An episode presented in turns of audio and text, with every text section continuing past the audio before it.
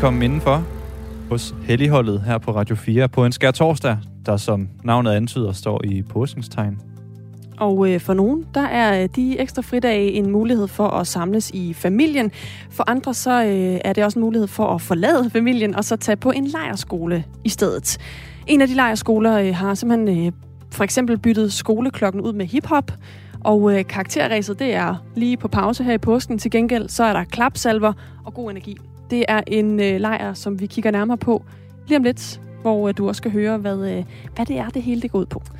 Vi har på denne skær torsdag den danske påske under lup, for herhjemme står den lidt i skyggen af andre højtider, og det bør den måske ikke, fordi det er altså den vigtigste kristne højtid. Det er det også i den katolske kirke, men der markerer de den på en helt anden måde. Vi skal tale med en dansker, der bor i Spanien, og som ser frem til påsken hvert år. Det er om en tre kvarters tid. Ja, og vi har jo netop øh, talt lidt om det her med, står påsken skarpt nok? Ved vi, hvad det er, vi markerer? Øh, og hvis vi markerer noget forskelligt, kan vi så på en eller anden måde i det mindste finde en eller anden form for fælles fodslag her til morgen. Og øh, det øh, har øh, Tina et øh, syn på. Hun skriver, jeg mener godt, at påsken kan relanceres, som den er. Det stakkels lam på påskebordet symboliserer jo Jesu offret som uskyldigt lam, så forhistorien og påsken med gækkebrev og vintergækoppyntning, påskeæg, påskehar, påskefrokost, Easter parade musik skal bare promoveres i medierne på samme måde som for eksempel Valentine's Day gør. Ja. Altså bliver gjort, skriver Tina på sms'en her. 1424. Det er jo en måde at gøre det på. Vi har også fået en anden sms, hvor der står, med, med fem børn og ingen og have og ingen have til æg, så rørte børnene simpelthen sukkeræg, rå æggeblommer med sukker i, i en kop. Det tager lang tid for børn at røre ægget hvidt. Det skriver Toft. Ja. Det er jo et godt bud på de her traditioner, vi har efterlyst. Altså, hvad kan vi lave af aktiviteter i påsken, som gør, at der måske vi får et lidt større tilhørsforhold til den her enorme kristne højtid, som det jo egentlig er. Så et bud fra Toft. Et bud, som også øh, er godt, hvis man ikke har en have, som øh, Krogtoft jo skriver. Altså, hvis ikke man har en have at gemme påskeæg i, ja. så kan man jo i stedet røre dem. Slå et æg ud i en kaffekop, smid noget sukker i, og så er det bare den første, der rører det her færdig, vinder. Måske et påskeæg. Det har vi jo for vane at gøre i de her tider. Vi fortsætter fokuset på øh, påsken og øh, påskens traditioner her til morgen i Helligholdet på Radio 4, som er med Nikolaj Dupont og Anne Philipsen. Godmorgen. Godmorgen. For nogen er påsken en anledning til at samles derhjemme i familien. Men for de 14-19-årige, så giver påsken faktisk en mulighed for at opleve et helt specielt fællesskab. I Naum er knap 200 unge nemlig samlet på en lejr ved navn, ved navn Camp True North. Formålet med, kamp, med campen er at give de unge et positivt fællesskab, hvor de kan lære sig selv lidt bedre at kende og udvikle deres lederevner. Blandt de positivitetsfremmende elementer er nogle energiskabende aktiviteter inden undervisning, og så er der anerkendende klapsalver og knips. Godmorgen, Nikolaj Moltkelet. Ja, godmorgen. Du er tidligere jægersoldat, og så er du grundlægger af Camp True North. Jeg vil gerne lige starte med at spille en uh, lille lydbid fra uh, Camp True North. Uh, det er fra, når I ringer ind fra pause. Det er nemlig ikke en klassisk skoleklokke, I bruger. Det lyder sådan her.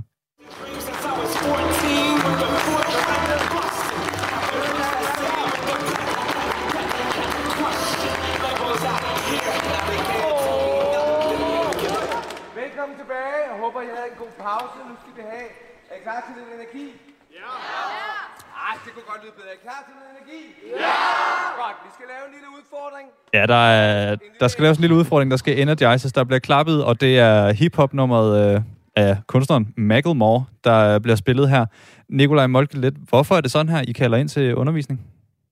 Jamen, fordi at det, der er så sindssygt væsentligt for at skabe noget her i livet, det er at kunne generere energi, og energi, det er ikke noget, du får, det er noget, du genererer, øh, ikke mindst ved at bruge din krop. Og her er det jo både at engagere de unges krop og deres øh, engagement i deres hjerte, og så også at, at tænde deres hoveder, sådan til at de er klar til at være fokuseret i det øjeblik, vi starter. Og det er noget, der er enormt effektivt, som også motiverer de unge. Hvad er tanken bag, øh, det, det er jo så den her energizer, som du også nævner, at vi skal lave en eller anden fysisk aktivitet, inden vi skal i gang. Hvad er tanken bag at erstatte den her klassiske øh, dinglyd ringklokke med øh, et hiphop-nummer? Jamen, øhm, det er for, for det første er det jo også at møde de unge, hvor de er. De unge, de lytter til rigtig meget musik, og musik er en stor del af deres liv. Og så handler det om at generere energi, så de er klar til undervisningen, så de ikke kommer ind passivt lavet hovedet nede med fokus på alt muligt andet. Det er sådan set for at generere fokus og for at generere engagement og energi, så de er klar sådan til, i det øjeblik, vi går i gang med undervisningen, så har du faktisk deres fulde fokus. Noget af det, I øh, prøver at gøre på den her Camp True North, det er jo at skabe det her, den her positive boble, som I kalder den, hvor øh, man klapper hinanden, øh, og der er meget sådan ryg, øh, klappen af ryggen og knips og, og det hele. Hvad er, hvad er det for nogle tanker, der ligger bag den her positive boble, som I, I giver deltagerne? Ja, jeg vil sige, at det, der er det væsentlige for os, det er at skabe et meget anerkendende miljø. Og um, jeg tænker på vores gamle familieterapeut Jesper Juhl, han sagde, at en af de vigtigste måder at skabe selvværd, det er, at folk føler sig set, at de føler sig hørt, og de føler sig taget alvorligt. Så vi forsøger at skabe den atmosfære, så de unge de har lyst til at bidrage med, hvem de er. Og det er jo det, som Camp True North handler om, det er at hjælpe unge mennesker med at acceptere den kerne, den essens, som de har, og være glade for, hvem de er, sådan til, at de kan gå ud og bidrage øh, med det i verden. Både i de fællesskaber, de indgår i, men også være glad for, hvem de er i den her verden, og ikke hele tiden tro, at man skal præstere for at være god nok i den her verden. Jeg kommer lige med lidt øh, hurtige fakta om den her camp. Øh, camp True North den startede mandag i den her uge og var indtil i morgen fredag. På camp er deltagerne fordelt i nogle forskellige små hold, og hver hold har så en, en voksenleder tilknyttet, som fungerer som støtte- og rollemodel for deltagerne. I løbet af dagen så går de unge til undervisning og laver aktiviteter. De har kun adgang til deres telefon i en lille halv time om dagen. Om aftenen så mødes deltagerne så igen i de her små grupper, hvor de lærer hinanden endnu bedre at kende ved at dele nogle personlige oplevelser og erfaringer. Nikolaj Molkelet, som altså er ophavsmand til True, Camp True North. Hvorfor skal det hele være så positivt? Jamen, en af de ting, vi lærer af de unge, vi lærer dem om nogle kompaspunkter, og en af kompaspunkterne, det er optimisme, og optimisme, det er jo i høj grad et valg. Jamen, øh, vi lever i en verden i dag, hvor der er rigelig lejlighed til at være negativ, eller lade sig overvælde af, af den verden, der er omkring os, som ikke altid bliver præsenteret så positivt. Men det at vide, at jeg kan vælge nogle tanker, som er konstruktive for mig og for andre, og jeg kan vælge nogle ord, der er positive for mig selv og andre i forhold til, hvordan jeg kommunikerer, og ikke mindst mine handlinger. Så det er i høj grad at hjælpe den unge til at være klar over, at de er herre i deres eget liv, men det kræver et valg, og det kræver en måde at handle på i forhold til at skabe det liv, som de godt kunne tænke sig. Hvordan ved du, at det her er måden at gøre det på, at det virker? Jamen, øh, en af måderne, jeg ved, det virker, det er, jeg har altid sagt, jamen, øh, det som øh, lejen, øh, som øh, evolutionen har skabt, det er den både aktiverer hjerne og hjerte og krop, og det er det, vi forsøger at genskabe i vores læringsmiljø. Og det vi ser på de unge, det er, at vi i over 15 år har haft over 35.000 teenager mellem 14 til 19 igennem. Og vi kan jo både høre deres historier med unge, der har været igennem for år tilbage, samtidig med de unge, der er på camp, så kan man se den her transformation til, at simpelthen lyset tænder i øjnene, og de bliver gladere, og de siger, at det her, at de finder en større ro i sig selv og en større selvtillid, og de finder en større glæde i de fællesskaber, som de indgår. Og det er selvfølgelig noget, vi prøver at gøre veje, så når de kommer ud fra campen, så kan de også genskabe det her. Er der ikke en risiko for, at deltagerne får svært ved at tage imod kritik, når de vender tilbage igen fra den her camp, når de kun har fået øh, klapsalver? Jeg vil faktisk sige tværtimod, fordi det, der er hele ideen, det er, at den unge finder en, en, en, en ro og en fred med, hvem de selv er, og faktisk en stolthed og en glæde ved de styrker, og, og hvem de er som person. Og det betyder jo, at det er betydeligt nemmere at møde andre mennesker, når du har en ro i, hvem du selv er, og så få konstruktiv kritik fra andre. Mens at hvis du vivler rundt som en øh, fjer i, i vivlvinden øh, i, i det moderne liv, så kan det måske være svært, at du hele tiden prøver at finde ståsteder, så kan det, hvilken som helst kritik være et angreb. Men det bliver det ikke her, fordi her pludselig, når de bliver klar over, hvad det er for en, et fundament og en platform, de står på, så giver det en helt anden måde at tage imod kritik konstruktivt for at være klar over i nogle af de ting, man kan gøre anderledes i forhold til den måde, som man indvirker på andre mennesker. Du lytter til Helligholdet på Radio 4, hvor øh, vi taler med Nikolaj Moldelet, som nu lige får mulighed for at give øh, telefonen videre til øh, Alexander, som vi skal tale med øh, lige om lidt. Nikolaj Moldelet er øh, tidligere jægersoldat og grundlægger af Campen True North, altså en øh, slags lejerskole eller lejr for unge, som øh, finder sted i de her dage i Nærum nord for København. Og nu skal vi tale med øh, en af dem, der er med på den her øh, lejr og camp. Det er dig, Alexander Elkins. Godmorgen. Godmorgen. 16 år og deltager på det her Camp True North, som du har været på siden i mandags. Hvad har du fået øh, ud af det indtil videre? Jamen, øh, et par ting. Et, nogle af de ting, jeg har fået ud af at være her fra i mandags, det er, at jeg har lært mig selv bedre at kende. Øhm, jeg har fået nogle øh, ting, jeg kunne arbejde med, som optimisme og vedholdenhed og tage mere ejerskab i mit liv. Og i stedet for at kigge negativt, så på min hverdag, så har jeg det her optimistiske syn på min hverdag fra nu af. hvor jeg prøver at se det positive i min hverdag. Prøver at se, hvad kan jeg få ud af det, i stedet for at have en negativ indstilling og bare tænke, at det går ikke, og så bare give op. Hvordan har du lært dig selv bedre at kende ved at være på den her lejr? Jamen, måden jeg har lært mig selv bedre at kende, det er ikke bare sammen med mit hold, men også personligt har vi reflekteret dybt over nogle af de ting, vi har haft på hjerte i længere tid, og så har vi snakket om dem. Og måden vi har gjort det på er, at vi har haft en, øh, vi har skabt en, en, øh, et trygt miljø, hvor vi kunne dele de her tanker og sidde og reflektere for os selv over nogle af de ting, vi har øh, haft på hjerte. Og på den måde, så tror jeg, de fleste af os har lært os selv bedre at kende ved hjælp af det her trygge miljø, der bliver skabt på Camp True North. Ja, for jeg ved om aftenen, der sidder I, øh, altså deltagerne, og, og er i nogle sådan hold, og bliver så inviteret til at dele oplevelser fra jeres liv, og ligesom komme tættere på hinanden, og øh, jeg har også hørt, at det faktisk kan være sådan noget, der får nogle følelser frem i en, når man sådan skal sidde øh, foran en masse andre, man jo kun lige har lært at kende, og så skal øh, fortælle, hvordan man øh, egentlig har det. Hvordan oplevede du øh, at åbne dig selv for din gruppe ved de her øh, snakke? Jamen, øh, måden jeg oplevede det bare på, at øh, jeg havde rigtig, øh, jeg var rigtig, hvad kan man sige, emotional, da jeg skulle dele med min gruppe. Men på, på en anden side af det, så var det jo rigtig godt, at jeg kunne få øh, snakket ud, og jeg havde nogen, der faktisk ville lytte. Og øh, på den måde, så kunne jeg komme af med den her tunghed, som jeg har gået og båret. Øh, og det der er med vores teams er, uanset hvem du er sammen med, hvem du snakker med, så skaber alle et trygt miljø. Og på den måde, så er der ikke rigtig øh, noget, der holder nogen tilbage fra at dele med deres gruppe, øh, hvis det er svært, eller om det er bare en lille fun fact om en selv, så er der altid et trygt miljø. Jeg godt tænke, det var meget fedt. jeg kunne godt tænke mig lige at spille en lille lydbyd fra, øh, fra den her lejr. Den øh, kommer lige her. så har du mulighed for at øve dig isolere her. For vi ved jo, at øvelse gør hvad? Bedre! Lige præcis. Værsgo, finde marker og linke op i en armkrog og kig herop, hvad der så sker. Værsgo. Når musikken er i gang, så jonglerer I skiftevis. Jeg skal nok råbe skifterne der. Værsgo og hygge jer. Alexander Elkins, øh, som jo er på den her øh, Camp True North. Kan du ikke lige prøve at fortælle, hvad det er, I laver i det her øjeblik? Jo, øh, vi laver en lille øvelse øh, inden for kompaspunktet ved holdenhed.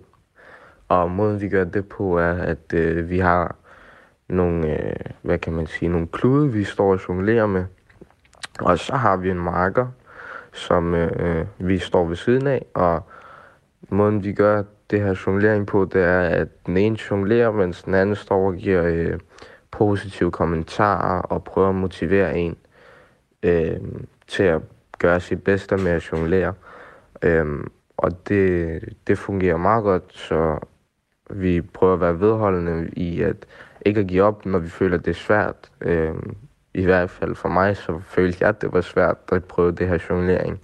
Men jeg har rigtig god marker, som øh, skubber mig lidt længere.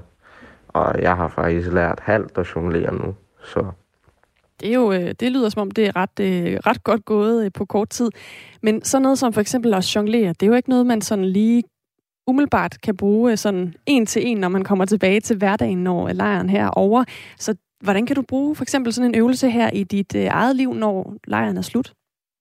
Jamen, øh, jeg tænker, at en i øvelsen, det er lidt af en allegori. Det sender en anden besked, end øh, der faktisk er i nuet. Øh, det, man kan sige om øvelsen, det er jo, at den besked, den sender til os som modtager, er, at du skal være vedholden i alt det, du sætter dig til, uanset om det er jonglere, eller om det er at lave en forretning, som er dit mål for at ramme succes. Det er ikke at give op, uanset hvor hårdt det bliver, øhm, og altid have en ved siden af dig, en på dit team, som kan stå der sammen med dig, give dig positiv feedback, øh, øh, der kan være kritiske over for dig, men på en god måde, øhm, om som bare kan spille på dine styrker og løfte op af hen ad i livet.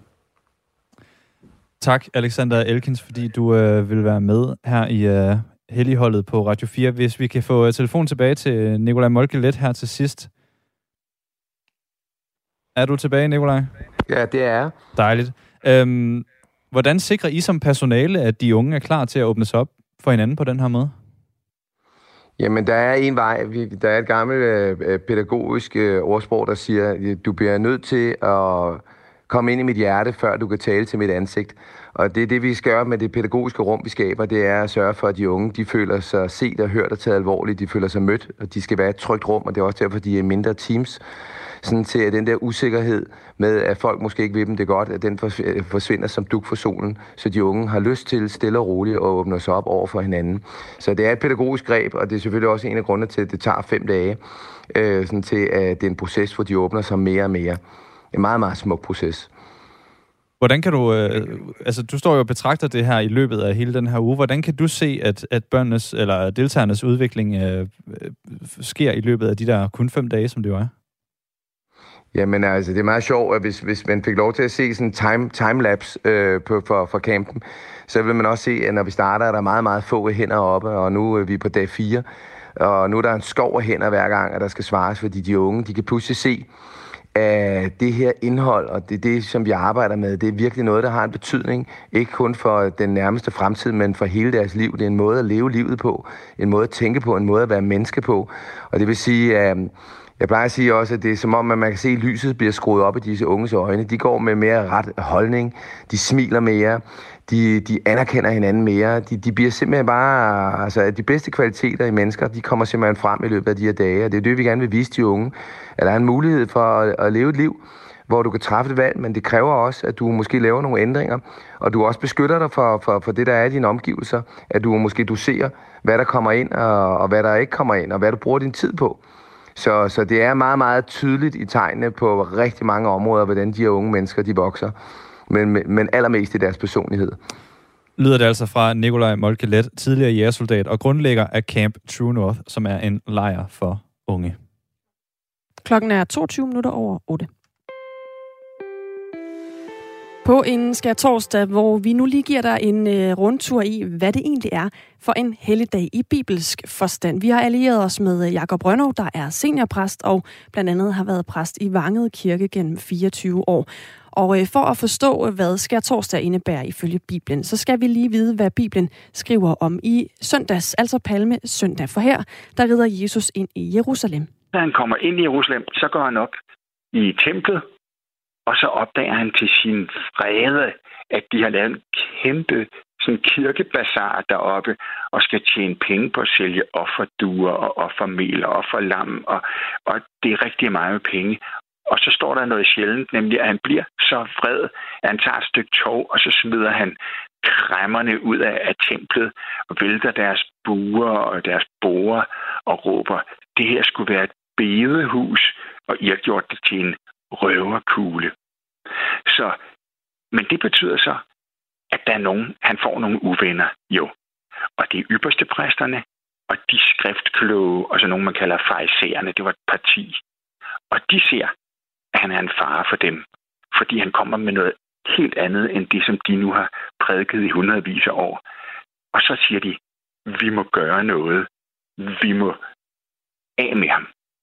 Hvad skal vi gøre? Han skal slås ihjel, men det skal være på et tidspunkt, hvor han ikke er sammen med alle sine mange venner. Øh, så, så hvordan kan vi så øh, få ham øh, slået ihjel? Og så bliver de enige om, at de vil lave en bedømning på 30 sølvpenge, kæmpe formue, øh, til den, der vil komme og fortælle, hvornår ham Jesus der ikke var sammen med sin, sin store, øh, folk, store folkeskare, fanskare, det kan man godt kalde det jo, øh, men at bare var sammen med sine egne få disciple.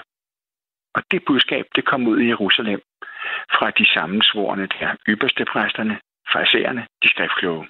Og det er da en af Jesu disciple, der hører. Og alle ved godt, øh, at det er ham, der hedder Judas. Og, og Judas går simpelthen op til de samme sammensvorene og siger, jeg ved, at på torsdag, der skal vi spise sammen om aftenen i en sal, vi har lejet os ind i. Og når vi så har spist der sammen, påskemåltidet, så går vi en tur i en have om aftenen, der hedder Gethsemane have, en park.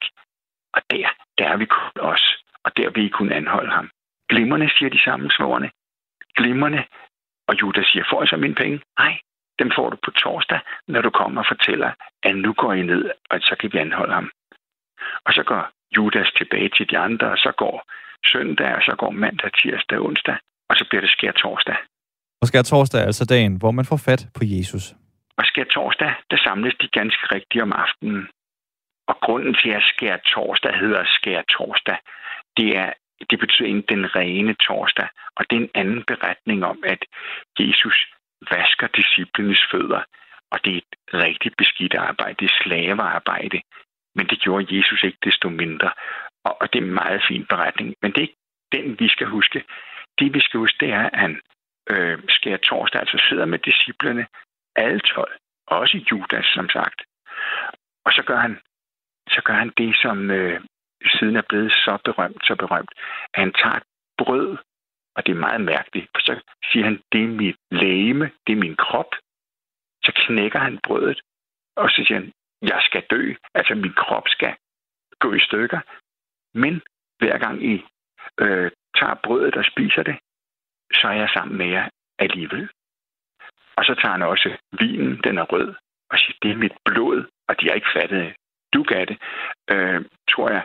Men han siger, det er altså mit blod, og så hælder han blodet ud i bæret, og siger, drik af det, og så er vi sammen igen. Jeg skal dø, men hver gang I gør det her, så er jeg sammen med jer. Og de har nok ikke forstået det der skær torsdag, men de gjorde det siden, det ved vi, og det har vi jo gjort siden alle sammen, der sandsynligvis, og forhåbentlig mange, der kan genkende det der med altergangen, nadveren og brødet og vinen. Men så er det, at øh, historien fortsætter i påsken med den aften, at Jesus siger, jeg skal dø. En af jer skal ovenikøbet forråde mig. Og så siger Jesus, ham jeg døber mit brød med i sovsen, altså det til at svare den i nu, ham er det. Og hvem døber? Det gør selvfølgelig Judas. Og Judas siger til ham, det du skal gøre, gør det så. Og Judas går så hen til de sammensvorene. Og der siger han så, nu går vi aftentur. Øh, og de sammensvorene, de kalder tempelvagterne sammen, og de er klar til at gå ned til Gethsemane have. Og dernede er Jesus og de andre disciple. Og Jesus beder om, at han ikke kan slippe for det, han udmærket ved, der skal ske. Øh, men Gud siger, nej, det her det er meningen. Disciplen, de sover. Så vækker han dem, de sover igen. Øh, men så pludselig så kommer tempelvagterne og soldaterne og, og Judas. Og de kommer med svær og skjold og økser og jeg ved ikke hvad, og tovværk. Øh, og Jesus går hen imod dem der, skær torsdag aften, så siger han, hvem søger I? Og så siger de, vi søger Jesus fra Nazareth. Og Jesus siger så til deres store overraskelse, det er mig. Øh, man er vant til, at hvis nogen skal anholde, så siger man, han løb den vej. ikke. Men Jesus siger, det er mig. Så tag mig, men lad de andre gå. Og disciplen, de flygter, og også Peter. Øh, men soldaterne tager Jesus og binder ham, banker ham, tager ham op til, til borgen, til ypperste præstens borg, øh, og så giver de ham tæsk igen, og så skal de have ham til at øh, de skal, han skal domfældes. Der er bare et problem, og det er her. Stadigvæk skal torsdag nat sent, at øh, de ikke selv herre i landet. Herre, de egentlig herre i landet, det er jo besættelsesmagten. Det er romerne. Og det betyder, at øh, ypperste præsterne, de har en masse magt, og de kan dømme, men de kan ikke udføre dommen. Og de finder så ud af, at de udspørger Jesus, og han siger ikke noget. Øh, men så er der en, der spørger ham, jamen er du ikke en konge? Øh, har vi ikke hørt dig sige, at du er konge? Og så siger Jesus, jo vel er jeg konge, men mit rige er ikke af denne verden. Åh, oh, råber de så. Det kan vi dømme ham for. Han siger, at han er konge. Det er jo oprør mod kejseren. Det er jo oprør. Øh, det skal han dømmes for. Dødsdom, dødsdom. Sådan lød fortolkningen af Bibelens ord. I dag skal torsdag af præst Jakob Rønnow. Nu er der nyheder med Sofie Levering, for klokken er halv ni.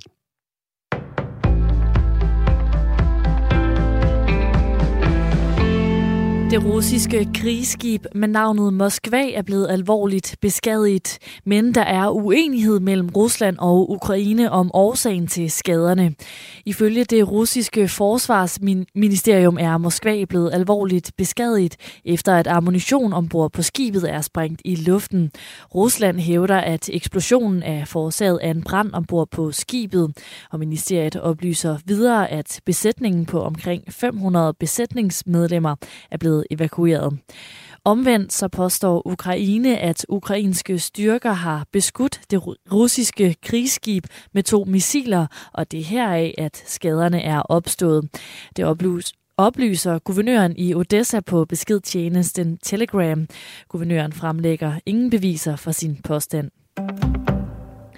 Ikke en eneste ukrainer har fået afslag på sin ansøgning om dansk opholdstilladelse efter særloven.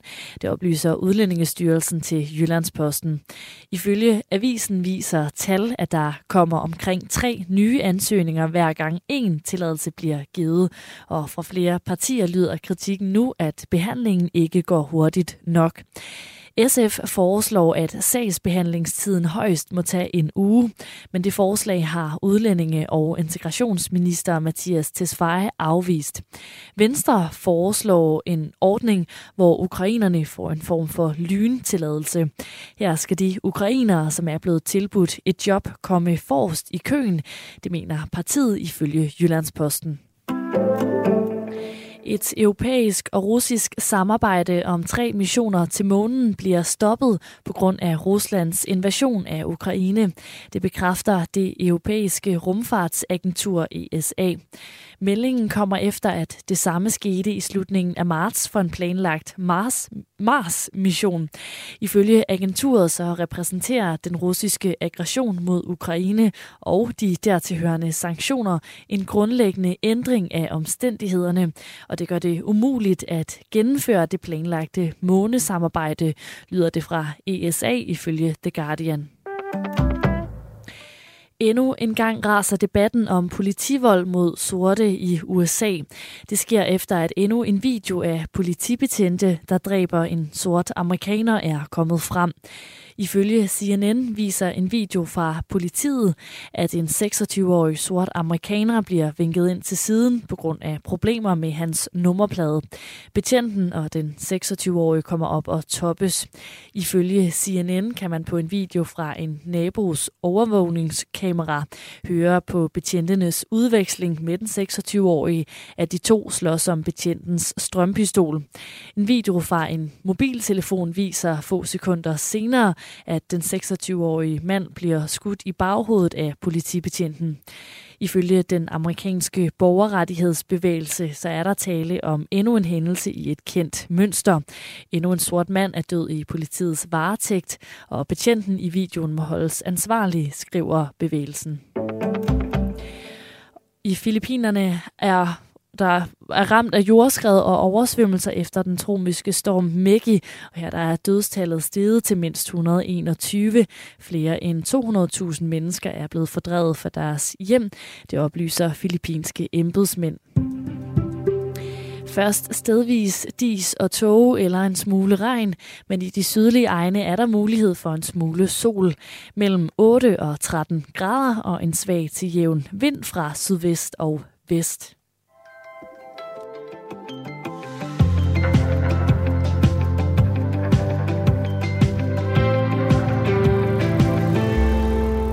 Camp True North er helt rigtigt, og det som tager os voksne 15-30 år at nå til. Jeg havde ikke råd til programmet for 10 år siden, da min angstplade datter havde brug for campen. Nu er hun 27 og okay. Men kun okay. Så måske man skulle tilbyde campen i folkeskolen til sensitive unge, med, med venlig hilsen den nu okay, men i sin tid meget frustrerede singlemor til fire. Det er jo en sms, der er kommet ind i forlængelse af det øh, indslag, vi havde lige op til nyhederne, nemlig fra den her Camp True North, en uh, lejerskole for unge 14-19-årige i uh, Nærum, nord for København, der har positivitet som uh, det alt overskyggende tema, ikke? Positivitet på påske-skoleskemaet, kan man sige.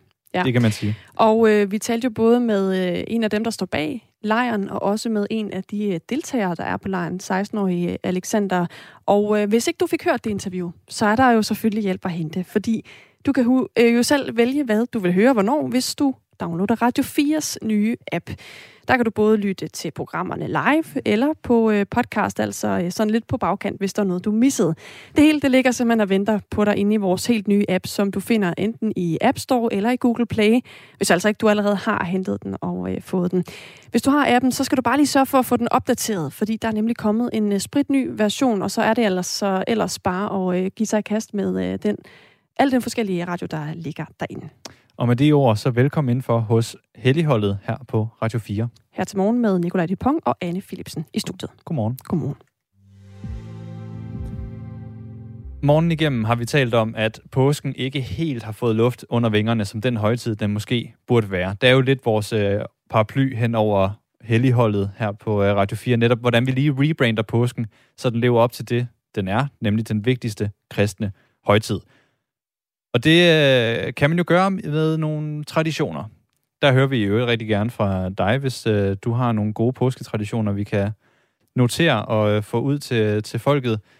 Vi har hørt tidligere om at øh, simpelthen lave en moderne æggesnaps med noget øh, æggeblomme med sukker i. Det er et Ja. bud.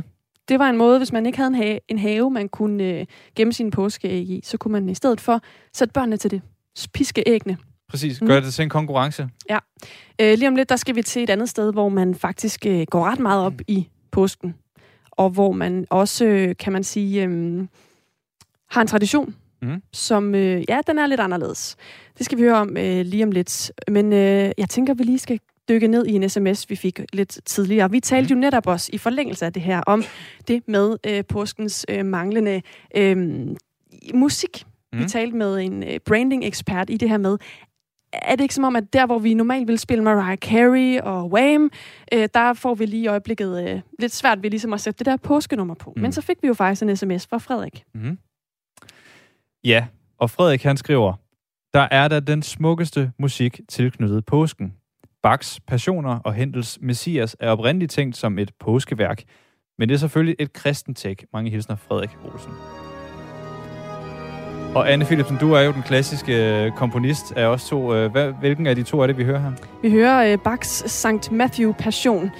Øhm, det er med øh, det, der øh, hedder øh, Van Veldhoven. Det, det er, jeg vil lige sige, at komponist, det er måske så meget sagt. Men det er i hvert fald øh, en passion af Bach, som øh, jo er- var noget, som øh, Frederik altså skrev ind som en måde, man kunne sætte et øh, stykke musik på her i, i påsken. Og så nævnte han jo altså også øh, Hendels Messias, som også Mm. måske, er, hvis man hører den, er en af de mere øh, kendte.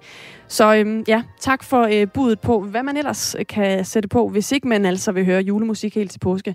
Selvom julen jo ifølge i folkemunde var lige til påske, ikke? Lige præcis. Ja. Lige præcis. Og således oplyst og med musik frisk i erindring, så skal vi til det, som du øh, lige kort nævnte før, nemlig Anne, at der er nogle steder i øh, landet, hvor der er nogle påsketraditioner allerede. Det er noget, vi kommer til at undersøge i løbet af de her næste tre dage i øh, Helligholdet på Radio 4. Og vi starter nu, fordi vi skal til Ærø. Godmorgen, Gitte Ferndal Pedersen. Godmorgen. Du bor på Ærø, og hvad er det, der gør påsken så særlig på Ærø? Jamen, øh, det er, at øh, vi æreboer, vi tager ud og koger påske, som vi kalder det. Mm. Hvad betyder det? Jamen, det betyder, at vi påske lørdag, der tager man øh, ud til stranden. De fleste tager ud til stranden, eller så sidder man ude i naturen eller i sin have, og så koger man øh, æg over bål i havvand, og rister pølser og skumfiduser, og hygger omkring bål, og med gode venner, der kom, kommer hjem til Ærø i, på påskeferie. Altså, der er folk, de valgfarter hertil, Mm. og det er påske. Hvor, hvor vigtig er den her dag for øh, en, øh, en gæv Ærøbor? Åh, den er meget vigtig. Det er...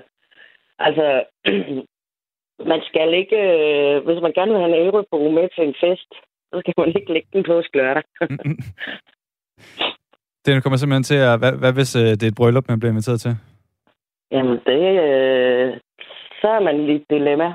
Selvfølgelig vil man nok vælge brylluppet, men man vil jo måske have sin, sin påske lørdag i baghovedet. Så men man kan, øhm, man det kan, er stort. man kan tage en øh, ærøbør ud af en påskelørdag, men du kan ikke tage påskelørdag ud af en, øh, en ærøbro. Hvor, øh, hvor stammer den her tradition fra? Jamen, der er sådan lidt øh, uvidsthed om, om det, men øhm, det, som der er undersøgt i, det er, at den starter omkring det 19, øh, år 1900, hvor der er no, man mener måske, at, øh, at der har været nogle børn, der har løbet rundt til de forskellige gårde og sunget, sunget for dem, og så har de fået æg på gårdene, og så har de taget til stranden og kogt de her æg, og så går der en anden øh, teori på, at øh, i påsken, der har alle øh, kale og unge piger, de har fri, så der mødtes de og, og festede sammen, eller ved to til stranden og hyggede sig på deres fridag. Og, og hvorfor betyder det noget for dig, den her øh, tradition? Jamen, øh, jeg har været med lige siden øh, jeg har kunne kravle, tror jeg, med mine forældre. Og, og når man kommer til den her påske lørdag, så er det som regel i det samme lav, at man sidder, og der kommer nye til, og der er nogen, der tager nye steder hen, når man stifter familie. Så er det lidt ligesom det jul. Hvor skal vi nu holde jul? så, øhm, men du mødes med alle dine venner og bekendte og folk, du måske ikke har set i nogle år. Altså, du, du er lidt tilbage i den her... Jamen, uanset hvor gammel du er, du kommer lidt tilbage til din ungdomsboble og med de mennesker, du har, har haft noget med igennem dit liv, du har levet på Ærø. Og mm. hvis du ikke har, bor på Ærø mere, jamen, så kommer du hjem påske lørdag og koger påsk, og så møder du din mulige støder på dine gamle klassekammerater eller gamle venner. Og, altså, det er bare sådan en glædens dag, hvor man hygger og har det sjovt. Og ja, dem, der, når man har børn med, jamen, så løber de rundt og leger sammen, og de... Jamen, der er ikke engang behov for en legeplads. Altså, de hygger sig bare, uanset hvad, med de ting, der nu er en gren, eller kaste sten i vandet, eller kom til at gå ud i vandet lidt med sine gummistøvler. Og, Altså, der er bare... Man er bare... Man er på, hvis man kan sige det på den måde.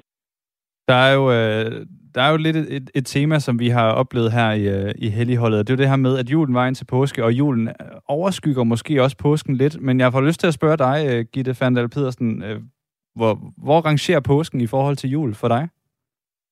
Altså, når man har familie, så er julen jo selvfølgelig øh, vigtig for børnene, og det er jo det, når man bliver voksen og får børn, så det er jo en ret øh, vigtig ting. Men jeg tror, for os voksne, så er det helt klart påsken, der er nummer et. Den overgår simpelthen øh, julen. Nu nævner du jo den her, som jeg går ud fra, er nærmest altså, jo er den vigtigste tradition, nemlig at nede på stranden og, og koge æg. Er der andre traditioner, som, som du har i påsken? Faktisk, øh, nej. I, altså, jeg har ikke, øh, det har ikke rigtig været sådan med påskefrokost og sådan noget, fordi jamen, han ligesom lader op til påsk lørdag i hvert fald. Og, og er du ung, altså teenager, stor teenager begynder at feste og sådan noget, jamen så, så påsk lørdag er bare nummer one jo. Der er jo det her med, at påsken den er lidt uh, todelt. Vi har en påskehar på den ene side, og så har vi den, den kristne tradition på den anden. Uh, har Ærø opfundet den, den tredje streg her? ja, det kan være, det er en blanding af det. det kan være. Uh, det er jo det.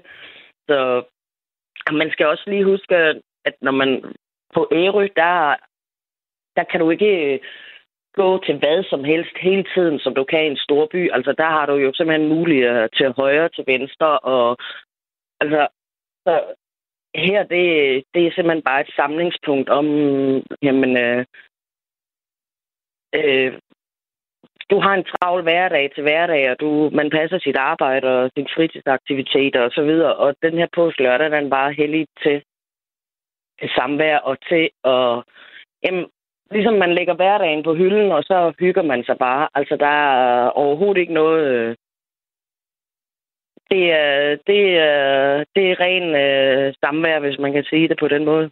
Det er, man skal næsten prøve det, og jeg er sikker på, at der sidder nogen, som ikke er æreboere, som har prøvet at være med til en påsk på, lør, øh, på sådan at gå på påske på Ærø, og jeg er sikker på, at de kan huske den dag som ret sjovt. Tak, Gitte Ferndal Pedersen, fordi du vil være med. Jamen, velbekomme.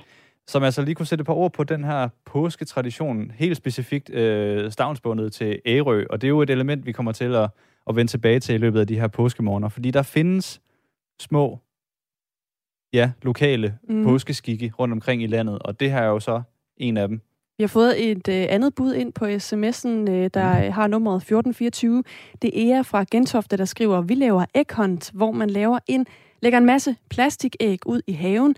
Så skal ungerne ud og samle æg, men for også at ligesom stimulere teenagerne til at lege med, skriver hun. Så fylder vi nogle af æggene med mønter og sædler og kalder dem de gyldne æg. Og dem, der finder færrest æg af de store over 10 år, de skal så også øvrigt tage opvasken. Det lyder jo helt fantastisk. Det er faktisk en ret øh, interessant tradition. Altså det der med, at der er nogle æg, der har noget i sig, og så nogle, der ikke har. Og så skal man finde de rigtige æg. Så det er bare med at lægge sig på lur i nærheden af Eas baghave, og så Ja. vente på de der æg med, øh, med penge i. Så vanker der en, øh, økono- en gevinst. En kontant gevinst. Nej, det må man ikke. Nej. Men tak for sms'en, som jo var et andet bud. Og som du siger, vi kommer til at øh, netop øh, kigge nærmere på de her lokale skikke, som øh, man altså godt kan finde rundt omkring her i påskedagene. Gennem fem år ringer en kvinde til lægevagten under falske navne. Goddag, du taler med Camilla Håndegård. Goddag, du taler med Frederik Iversen. Mindst 40 gange udskriver godtroende læger morfin til hende i andre danskere CPR-numre på baggrund af mange forskellige løgnehistorier. Ja, jeg har været opereret for livmoderhalskræft, og der øh, faldt jeg ned af den stige der. Hvordan kunne kvinden lykkes med at snyde sundhedssystemet? Tusind tak for hjælpen, og god aften til jer. Ikke? Find serien Løgn og Morfin i Radio 4's app. Radio 4 taler med Danmark.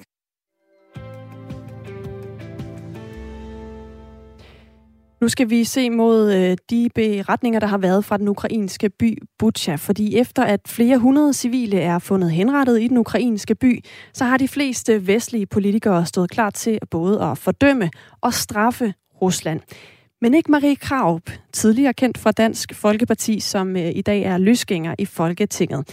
Hun synes, at de vestlige ledere overså nogle meget vigtige retsprincipper, da de sådan entydigt gav russerne skylden for krigsforbrydelserne.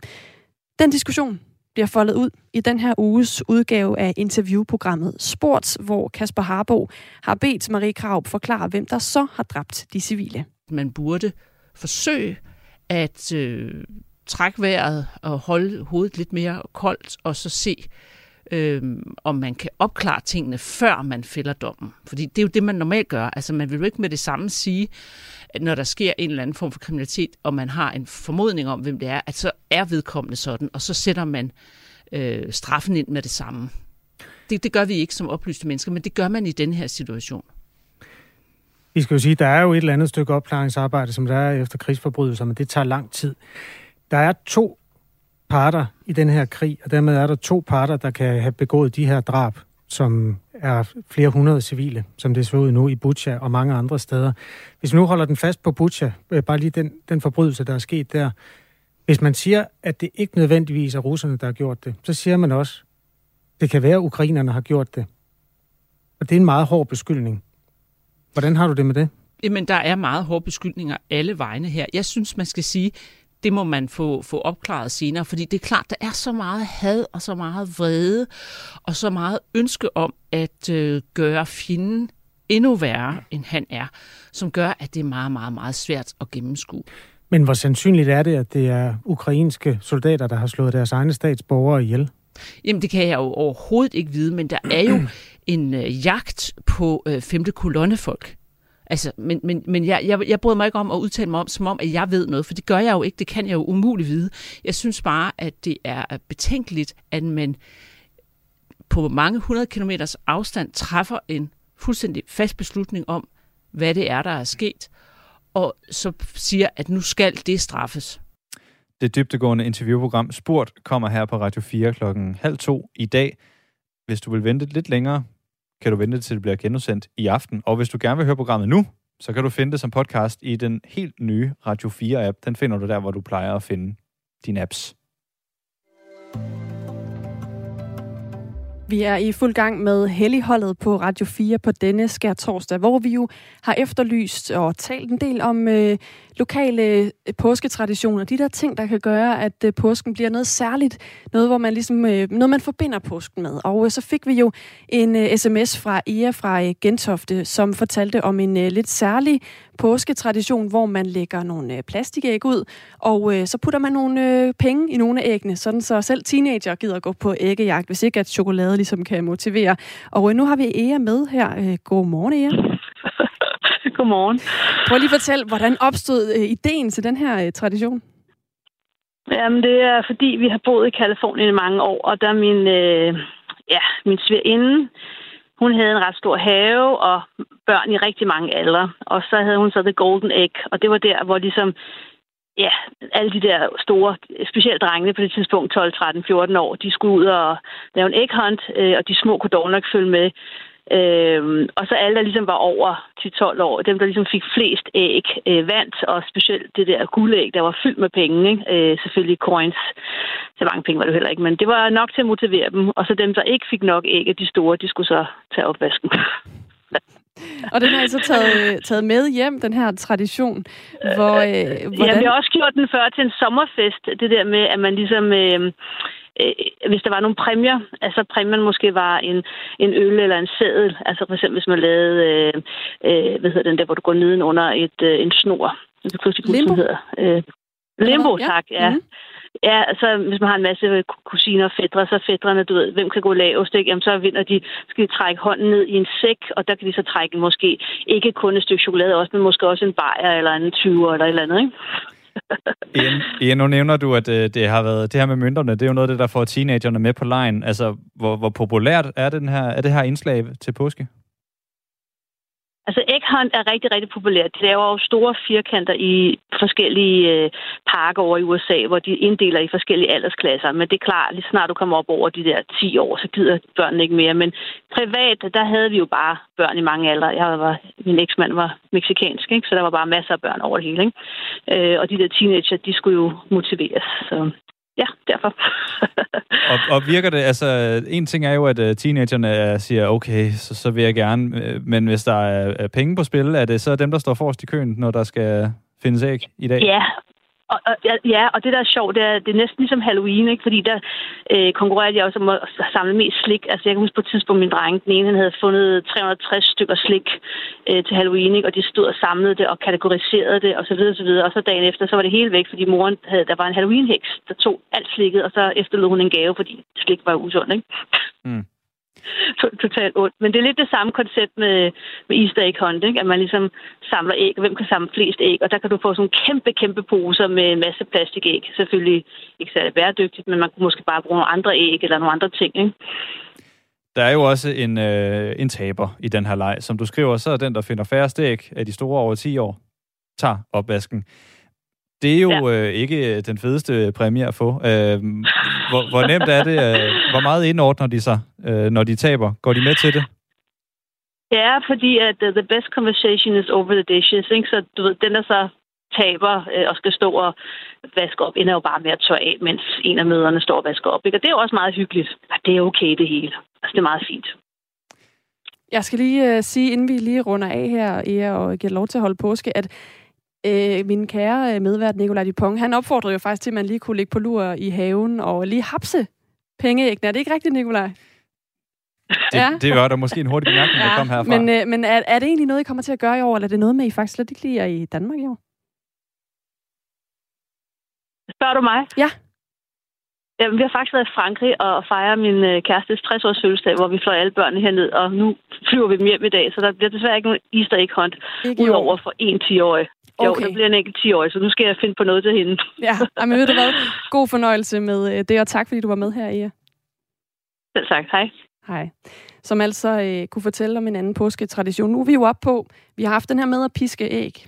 Ikke? Mm-hmm. Så man, øh, et tip, vi også fik fra en lytter, altså at man pisker æg, sådan så, øh, altså sådan nogle sukkeræg. Det er der vel egentlig sådan noget sukkersnaps. Nej, hvad hedder det? Æggesnaps. Ja, æggesnaps. Ja, æggesnaps. Øh, hvis man ikke lige har en have, man kan sprede en masse påskeæg ud i, så kan man gøre det, og så tager det ret lang tid for børnene. Så dermed så er man også øh, aktiveret. Ja, ja fordi den, den nemme måde vil jo være at bruge en, øh, hvad hedder sådan en, en håndmixer, en elpisker. Ja.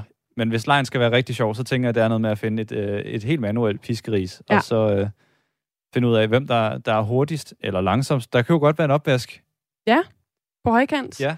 Så har man faktisk kombineret to traditioner. Det giver også nogle armmuler, det der med at piske æg i hånden. Jeg synes, det er et spændende element, øh, det der med, at fordi påsken er meget sådan noget, jeg, her er et gækkebrev, øh, giv mig et påskeæg. Øh, og her er en påske, jeg har, jeg skal have et påskeæg. Jeg kan godt lide, at der er noget konsekvens også ved, okay. at hvis det så ikke lykkes, så er det altså så er det opvasken. Du er et konkurrencemenneske. Ja, jeg kan godt lide at se andre tabe. Ja. Okay. Men det siger også mere om mig, end, end det siger øh, om så meget andet måske. Det kan godt være. Vi har også været omkring øh, en anden tradition. Det var den her med at koge, koge påske, som øh, vores øh, øh, Gitte Ferdal Pedersen fra Ærø kunne fortælle om. Altså, at man øh, ja, kogte nogle æg i havvand nede på stranden mm-hmm. på Ærø, og det er faktisk en kæmpe ting. Altså, det, det er... Jeg har faktisk læst en artikel, hvor der var nogle Ærøboere, der sagde, at det var større end jul. Altså, og det sagde Gitte jo også. Ja, i hvert for fald de voksne. for... Ja, præcis. Hvor, der ikke, øh, hvor julens gaver måske ikke er så meget på, øh, på spil. Så ja, masser af gode bud på, øh, hvad påsken kan indebære traditioner. Og det vigtigste med højtider er jo som altid, at man har noget sammen med sin familie, sine venner, sin omgangskreds. Og på Ærø, der er påsken altså, der er de virkelig fanget elementet med at bruge den her anledning til at samles om noget. Og det kunne jo være en stor fed streg, vi kunne sætte under et øh, facit på det, vi jo egentlig prøver på i det her program, Helligholdet på Radio 4, og se, om vi kan skærpe påsken på en eller anden måde. Og jeg synes godt, vi kan til listen tilføje, have en eller anden undskyldning for, eller det er påsken jo, få samlet din familie, og få samlet dine venner, og så lav et eller andet fedt. Tag ud på stranden, kog nogle æg, tag ud i skoven, trill nogle æg, som vi også hørte vores, øh, vores panel deltagere, mm-hmm. efterskoleelever nævnt. Altså, Gerne hvor noget man, med æg. Ja, noget med æg er ligesom et godt udgangspunkt. De, de nævnte det her, hvor man kunne øh, øh, trille, og så kan man se, hvem der kom længst, tror jeg, eller sådan noget, uden at ægget gik i stykker. Ikke? Det er det, du mener? Jo, jo, du siger præcis. trilleæg, ja. præcis. Mm. Det er jo en, en leg, jeg selv legede som barn, men øh, hvor det helt, var helt mere lavpraktisk, at vi bare tog en spand vand og hældte ud på en vej, der hældede, og så var det bare den af strålerne, der kom først ned, der havde vundet. Er det, er det rigtigt? Ja. Altså, hvad, prøv lige at forklare det igen. Jamen, så stod du på toppen af stikvejen, og så øh, havde du ligesom en, en spand vand eller et glas vand, du hældte Ja. ud på vejen, og så ved du, når vand det løber, det løber jo ikke bare lige ned. Nogle gange så deler det sig i alle mulige sådan tråde mm. og sådan noget, ikke?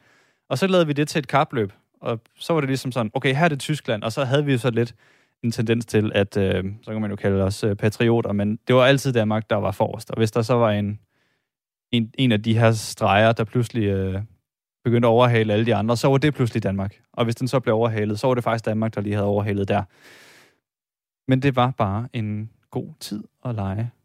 Ja. Dengang på min lille stikvej Ja, i Herning. i Herning. Der er masser af gode traditioner her i livet, og vi har fået øh, taget hul på nogle af dem i hvert fald her til morgen. For nogen, der er påsken øh, en anledning til traditioner med familien. For andre, der er det en mulighed for at opleve et uh, lidt andet fællesskab. Og det er det, der sker i Nærum i øjeblikket, hvor omkring 200 unge er samlet på en lejr, en lejr der hedder Camp True North. Den skal give de unge et uh, positivt fællesskab, hvor de kan lære sig selv bedre at kende og også udvikle deres personlige leder lederevner. Og øh, Nikolaj Molde Let er tidligere jægersoldat og grundlægger af den her øh, lejr, og han forklarer, hvorfor at øh, man vælger her at gøre tingene lidt anderledes. For eksempel så bruger man ikke en klassisk skoleklokke, man bruger en, øh, en sådan popsang og noget sådan hui og, og råb og, Og klap. Det, og klap, og det gør man af en særlig grund. Jamen, fordi at det, der er så sindssygt væsentligt for at skabe noget her i livet, det er at kunne generere energi, og energi, det er ikke noget, du får, det er noget, du genererer, øh, ikke mindst ved at bruge din krop. Og her er det jo både at engagere de unges krop og deres øh, engagement i deres hjerte, og så også at, tænde deres hoveder, sådan til at de er klar til at være fokuseret i det øjeblik, vi starter. Og det er noget, der er enormt effektivt, som også motiverer de unge.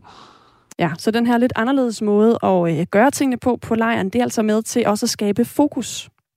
Jamen, øhm, det er for, for det første er det jo også at møde de unge, hvor de er. De unge, de lytter til rigtig meget musik, og musik er en stor del af deres liv. Og så handler det om at generere energi, så de er klar til undervisningen, så de ikke kommer ind passivt lade hovedet nede med fokus på alt muligt andet. Det er sådan set for at generere fokus og for at generere engagement og energi, så de er klar sådan til, i det øjeblik, vi går i gang med undervisningen, så har du faktisk deres fulde fokus. Sådan fortalte altså Nikolaj Moldelet, som vi talte med øh, lidt tidligere på morgenen, om netop den her øh, lejr, som er en anden måde, man kan bruge påskedagene på, som 200 unge altså har valgt at gøre. Ja, en positivitetslejr, som hjælper folk, eller de her unge med at finde deres lederevner i sig selv og udvikle sig personligt, som vi øh, har hørt her Nikolaj Molkelet sige. Og med det er vi også ved at runde af for det første udgave af Helligholdet her på Radio 4 i påsken. Det er jo et, et tema, vi lægger for dagen både i dag og i morgen og på mandag i de store påskedage.